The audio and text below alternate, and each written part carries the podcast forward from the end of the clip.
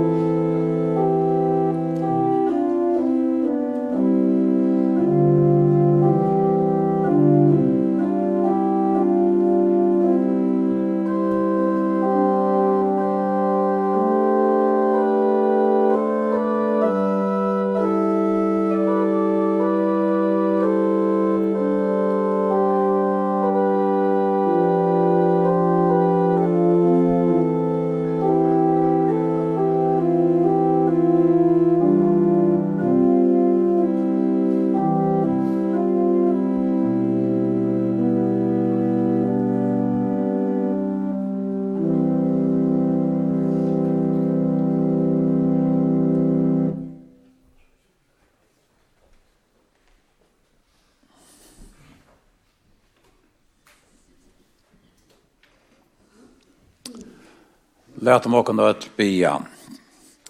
Herre, er inkommen i etta heila av hustut at høyra, kvært og tu, god fægir skapare moin. Tu, Herre Jesus, frelsare moin. Tu gav i heila i ante, okkare moin, og i loivi og deia, vilt vi med tala. Herre, åpna tu no såleis, vi tunnen heila av anta, fyrir Jesu Krist skuld, hjärsta mot, at jeg av året tøyne kan lære er bare enker om syndermøyner, og i løyve og deie at tryggva av Jesus, og kvann det og i heila von løyve og levna i abatna. Til høyre og bønhøyre god for Jesus Krist. Amen.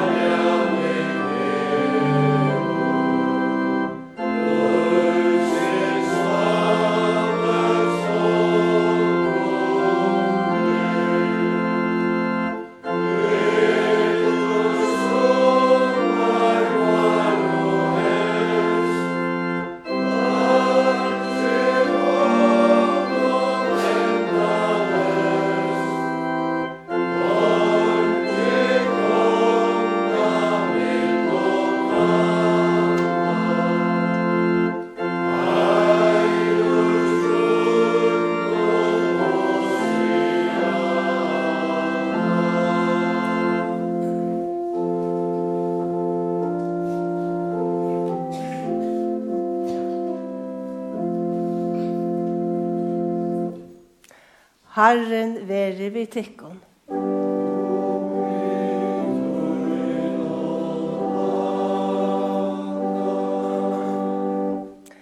Lætt om okkon at bya.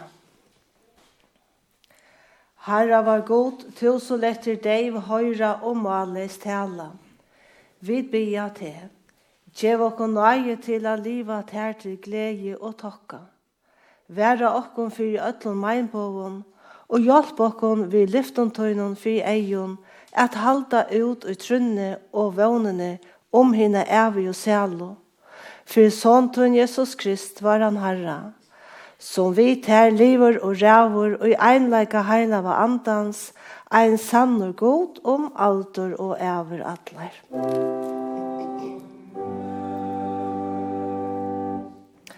Henta heilaja lestre skrivar Solmaskald. Ikke okkon herre, ikke okkon, men navnet tøynen djevi til æro fyrir miskunar tøynar, fyrir trofeste tøynar sætjer. Hvor skulle heie folk sia hver er nu tarra god? Men god var tå er av himle og gjer alt det og han lister. Skolgodar tarra er og silver og godl, gjørter av manna hånden, tar hava mån, men tala ikkje, hava eio, men kunno eit suttja, hava øyro men kunnu ei høyra, hava næsar men kunnu kjenna ikkje lukt, hava hendur men kunnu ei teka, hava føtur men kunnu ei genga, ei tar mela visun og barska, Taim og lujtjer vera teir, og tair gjørdu atler og lujta og atair. Men Israel lujter og herran, han er tæra hjelp og verja. Amen.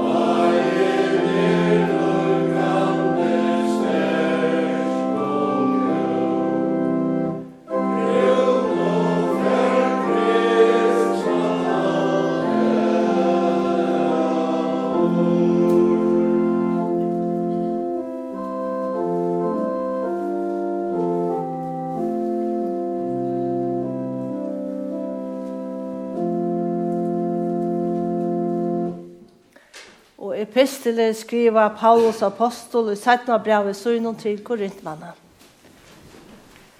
Men slukt allit heva vi til Guds fyrir Kristi skuld. Ikki så at vi av okken sjolvun er udulige til at hoksa nekka opp som av okken sjolvun, men donaskaper okkara er fra gode. Honom som eisne gjør okken dulige til at vera tænarar fyrir nudj og sottmala. Ikke bøkstavs, men anda. Du er bøkstavren dreper, men ande løvkar. Men ta ut hennes av deians, som i bøkstavren var innehøgt og steinar, kom fram et ord, så at Israelsmenn ikke tålte at løyta at anlite Moses er, fyrir ljåmannen i anlite hansara, som tåg var bostor, hvor så mykje meira mat ta ikkje av andans vera utord. Tu at hei fordømingar av dord, Ta er rattvises tænasan enn mykje meira røyk og dørt. Og let nokko sema jotta okra kristne trygg. Vi avnokta djevelen, atlar gjerningar hans og atlan etbor hans. Vi tryggva av god feir hinn alvalda skapara himmels og gjerrar. Vi tryggva av Jesus Krist, gos einborna son, vår herra, som er gittin av heila og anda, Boren i heim av Marie Møy. Pulsar under Pontius og Pilatus, krossfester deier og gjerraver. Nyer færen til helger, tria dagen stein opp fra deion, færen til himmels, sidan det vi høyre hånd, gos færen sinns alvalda, heian han kjemmer at døma livandi og deg. Vi tryggva av heilegan anda, eina heilega allmenna kyrkjo, samfunnet herre heilago, fyrirgevin syndana, oppreist likamsins og loiv om alder og evr.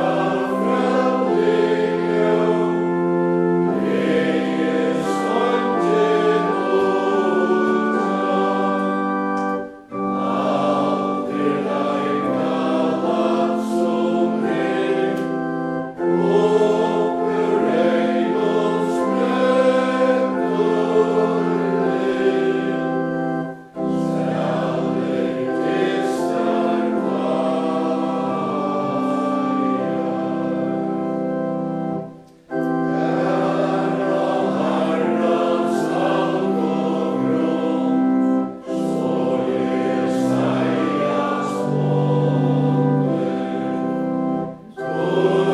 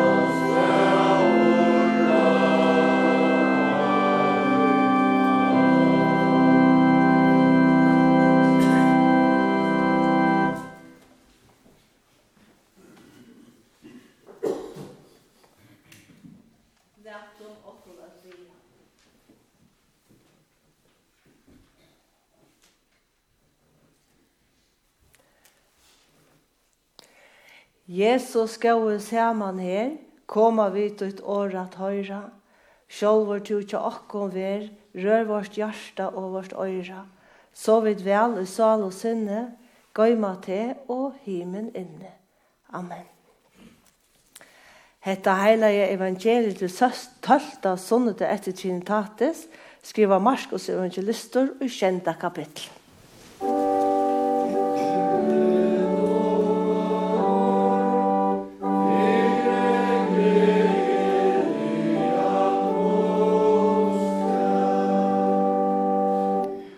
Og Jesus fører oss det atter ur bygdarløven vi tøyr oss og fører i stjøkken siden til vattnet i Galileo midt i stjøkken bygdarløven og i Kapolis.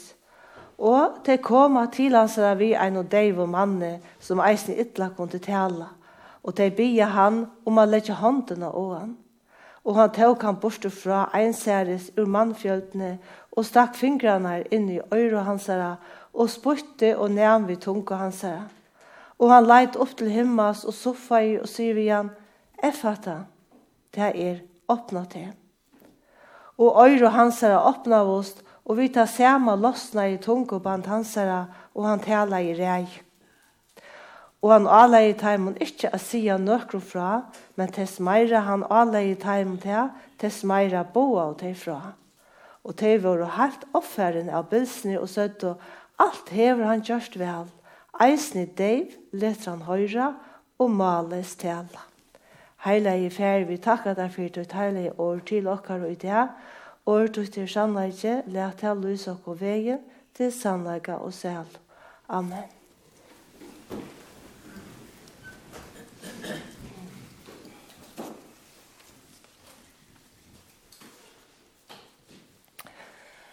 Johannes Møllehave sale hever vust av månen mittel trygg og ivetrygg. Han sier at da talen er om ivetrygg, skal du først suttje et under, så er du til reier av tryggva. Ta da snur som kristendom, er det øvått. Her er det tryggven sjål, så skapar under. Og man tar ikke være tøy, at veruleikin bor her undre finner okkom. Og i æra måte kan tryggvun ikke skapa nekka som helst. Hun må hava åpna sjanser, så ta ber til at sankjenna veruleikan som alltid hever ver. Og i bølgjene Stillhet i støyens tid skriver norske sækføreren og eventyreren Erling Kakke at han eina fyrir fekk ykkring inga saune Jaritøvendun John Fosse. Han blir i saunen medan han la i søngjene, og beint åren han sløkte ljøse kom og årene til han. Ein kærleik er til som ånden minnest. Hva sier John Fosse til? Ein avskjønnelig kærleik som ligger i dvela. Må det da være tøgn? Kvirra han mente vi? Han avgjørte å spyrja rytønden den etter. Det er og ein av tøgnen som skal tala, sverre i foss. Og Eirin Kakke heldur fram. At tåsa er netto til at tøgnen skal. Tøgnen skal tåsa, og to skal tåsa vi. Og få så nekk bort til urenne som tilber. Men vid vera fjolterstundjen, kanskje at du tøkning gøymer undran og eina veldiga styrk. Kanskje er det tøy vid øttast tøknina, og tøy er tøvnleikur alla stene i allmenna rjumunum. Innast inne er ein veikur øtte fyrir tøy vid nastan ikkje vita hva er, sier han. Vit vilja vi øron åren heldur fyrst suttja og få prekv, enn vera åpen og tryggva til kærleika som er større enn vit. Vi vilja standa åttanfyre og ekleie og forklara og greina og eia, heldur enn lusta og undrast at det vi ikkje vita hva det er. Og så vil løyvi her etter. Ein heimer som er fylltur við ljóvun og gengje, av ötlun tøy vi framleia vi fotlare fer, tøy vi alsam skulle hava meiri av ötlun. Det har vi fortalt at Mor Therese Einar vi var spurt hva hun sier vi god med henne be. Hun sverer i, «Åndsje er bare lust». Men hva sier god så, vet du? Han sier helt åndsje. Eise han bare lust der. Og men kan hatt var løyve til Mor Therese og ein bøn, ein einasta bøn om hjelp til den neisøtt som hon offrar allt sitt vaksna liv till. Hon visste hva det var å strøyast i bøn. Hon visste hvordan kjøtt vi kunne lese oss inne og i vånløs og øtta. Men hon visste eisne hva kvirra kunne gøyma saman vi god til i bøn. Vi høyra at hon heiane fikk nekv bort fra tøknene. Vi bæra av vera saman vi god til her hon slapp fra å sija nekka som helst vi øren åren. Tu høyrer meire, jo kvirrare ta verur. Men ein kærleikir til som ånden minnest. Og ta er tu kvarja fer et ontor, ta glede bådskapen åpnar sjanser og sinne, her vidur krøkt inni ui okkun sjolv. Okkar er ekno vitan og førleikar og trobeleikar, som vi tøyra i dagsens tekst. Vi høyra, her høyra vi eina frase om at ta deiva og malleisa og atterlasta menneska kan sleppa ur sin hun haft. Han som var bæg deivor og ytla kunne tala, opplevde omtre at kunne bæg høyra og tala. Det hendte ta Jesus sier sutt, effata, åpnat. Avur hei tøknen fyllt hans er løsrum. Og vi kunne hoksa okon at hei som hava høyre brek kunne så latt komme standa utanfyr. Einsemme kan så latt uimynda gjerande stegin eisne i det. Og ikkje minst av Jesu døvn. Vi som høyra vilja jo helst tåsa vi ånder høyrand. Det er ikkje minst et under å få hørna til at du har vært deiv. Og et under å kunne tåsa til at du har vært males. Og det er somløst at det under å få sjånen og ta det vir blind. Men tøknen kan eisne tale. De som er deiv, heva jo rønter, vitan og opplevingar og løyvenon, og få nekv bortsjord tala høyre brett. Det er ikke at høyre kan saktas eie en av veldige styrke som til er det vi får nekk. Som Benny Andersen sier, Ta ein hor er attor, færre ærar opp. Hin deiva kan suttja og koma fram. Kvoi stæra seg blind, a bæra til eina. Ta eio kunne lusta, og fingrar fortelja. Ja, kvoi stæra seg blind, a bæra til eina. Ta vi vita, at vi høyrande kunne saktans høyra og høyra utan at høyra. Just tog vi høyra jo ikke alt. Vi kunne ikke alt, og vita ikke alt. Ein kærleik er til som ånden minnest. Ein avskjønnelig kærleik som ligger i dvela.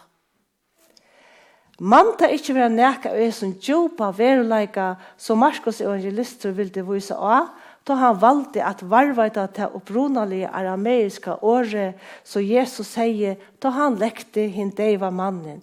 Effata, åpna til. Han ville vise av en større veruleika og Jesus samband. Større enn kjort undre at en deivor og maleiser fikk hörnerna, fikk gavna at höra og tala. Hvor minnast vi ikke kærleikan som ligger i dvela og bæra bøyer etter at vi vakna? Er det tog vi innast inn i øttas for tog vi ikke hva det er? Tøknen heian i gjerra kon eutrykk, vi tåra ikkje a lyta av at hon gøymer ein kærleika, så vil okkon alt det beste. Det er filosoferen Ville Søresen som sier at vi ikkje er å selge gau til å leta neka vinna av okkon som vi ikkje styrer ham. Ta ekvar kjelkant i hender, hoksa vid, det kan ikkje vera satt. Ta ekvar nøyt hender, sier vid nei, det er jo godt til å vera satt. Kvært er det for avskåan eller hukkborer som leser seg inne og ikkje vil vera åpen for det som er større enn akkurat vidt og skil, som tvørst er med å bæra tåler til vanlige, som det sanna og verilige i livet noen, spyr han. Og vid med å sige at det er just og Jesus sambandet at vi sutja månen og ivertrygg og trygg og i kristnum tøtning. Alt har han gjort vel, søtte de som opplevde ondre til ferien av Jesus grødde den deg var mannen. De søtte nettopp ikke, det kan ikke være satt. Etla, det er og godt til å være satt. Det ber nemlig til at trykva tøy som er avgjørlet, tøy til gjørlet tja god. Det var eisen hetta som hendte ta gods effata la fenga buri opp, her Jesu lærersvennar sjåto og kurtus og fuklar fjærer fjærer buri til Jesus var krossfester. Jesus kom og lett opp åttan ifra og sier, frigjør være vittekom. Og så leis kommer en opprystning Kristus framvis til okkara, eisen tar vid bæra vilja høyra til som videre vånat høyra. Og suttja og suttja, og framman undan stantja alt det ute som er avhørst, og avvanligt og avtroligt. Ikke minst ta er det, ta er det bruk for Guds effatne, Jesu effatne, åpna det. Tøy det einfalt er og meire meira enn alt til innelasta i okkara løyve, alt til som teker okkara frumå og glede og tryggleika og vevn. Okkara luttla løvsøva er nemlig pastor av einar større søv. Det er Gurlevibe Jensen som har fortalt om dronjen hvers pappa hon skulle gjøre. Han var av en badneheime og av ved heier hoksa om hvordan hun skulle ta seg ved henne. Han var ensamadler og hei ongan gauan av synar familie. Da hon kom av vidtja han i Jesu sambandet, tog han imot i henne vi einon ekna breie som alls ikkje vilde vite av nekrare samrå. Ein gau løtta Jack, hver tøgnen og kulden fra hans ekna breie fyllte rommet. Inntil bæje vi alt, glömt og alt hos om gjerraferna som skulle vera, tog jeg så en sommerfugl i kameran. Han var så smått byrja av å komme ur sina reiver. Berge glemt å tog just det, og hukte hodtidgen et, med at sommerfuglen struttes at gjøre seg frujan og sprøya vannkjene ut. Og i meian fortalte dronkren mekt og kvært om sommerfugler. Han fortalte åtta komma og punkten og brått, Han var heimavøll. Men sjálvan det måtte de komme til Tamale, så var grunden til at prestene var kommet. Så stekka jeg dronkren sin årastreime om sommerfugler, og sier mest som ut til gramstøyle til som er stått og skulle være sagt i samband med gjæreferna. Pape var en menneske, og god og menneske høyre sammen, sier han. Og så gjerne sier han fra, han fortalte fra minnen om en pappa og en mamma som hadde ringt for å klare dagen og veien, til det ikke var så lett at være menneske. Men under alle tøy som gjøkken tøyene i gjort han baskan, ljøa og årene tja om og hans herre. Hon hei til han i sin faun, hei ofta til han i sin faun, og sagt, men hun leie håndene og høver hans herre, minst til, De er og menneske, og god og menneske hører sammen. Om man hjelpte å hente hatt om sånnen, er samkjenna verleikan som alltid hever veri og alltid er. Hon hjelpte hon å kjenne og sanna tann kærleika som han kunde lyda av. Og som vi et under skapte tryggven under. Kærleiken var som et effata og vi fikk henne åpne seg. Så han sier at tungoband lossnade, og årene kom som sommerfoklar ur reiverene, ur hans innelasta hoa og sinne og munne. Han sier at heimleise kærleidje heie eit heim og kvoss og fjord. Eit heim her god og menneske høyra sammen. Lov og takk og allur heier veri til gode varum, feir, sine og heila og anda, som alltid er veri er og alltid verur, ei sann og tru ein jur god, hala over fra fyrsta opphavet og om allar evr.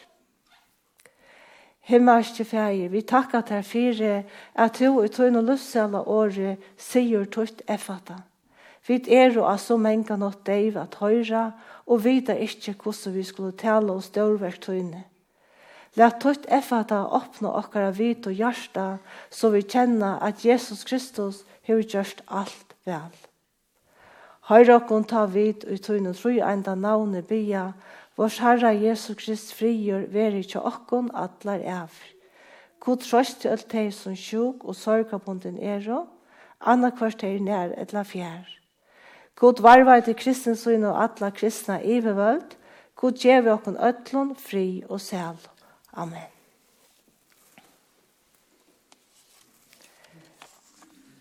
Fra misjonshusen skal jeg si at møte verer klokkan 13.30 og øtl er velkommen.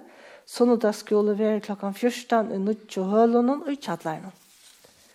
Og her fra kyrkjene, nasta det 2. september bjóða við morgumætt og kyrkjehusene klokkan 12 og gudstjenest av er klokkan 11. Og lett om vi apostlene i kjøkken ør. At vår Herre Jesu Krist nøye og kærlighet til Guds og samfunnet heilige andans, vil vi i åkken ødelen.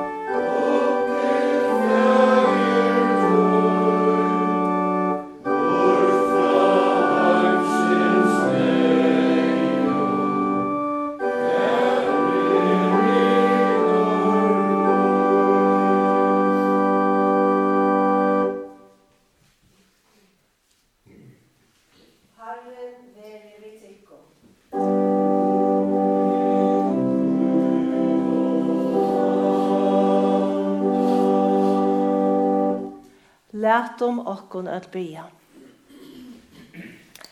Alvaldi er vi god, vi takka til for at vi til öllum lotum med at leta alla troan okkara koma fram fyrir te, og i akadlan og bøn vi takk. Og for at vi kvør vi øron med å lova og prysa til og kjennas vi navntut. Vi bia til.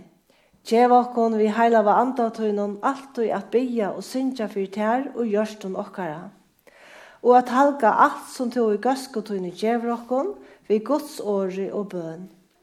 Sauna to okkon ur ötlun attun, da er sonen tog Jesus Kristus kjemur attur, så at vi sama vi ötlun tøynen heilavo og enklun tøynen, med at djeva ter skikning og æro, heier og mått, om alder og æver atleir.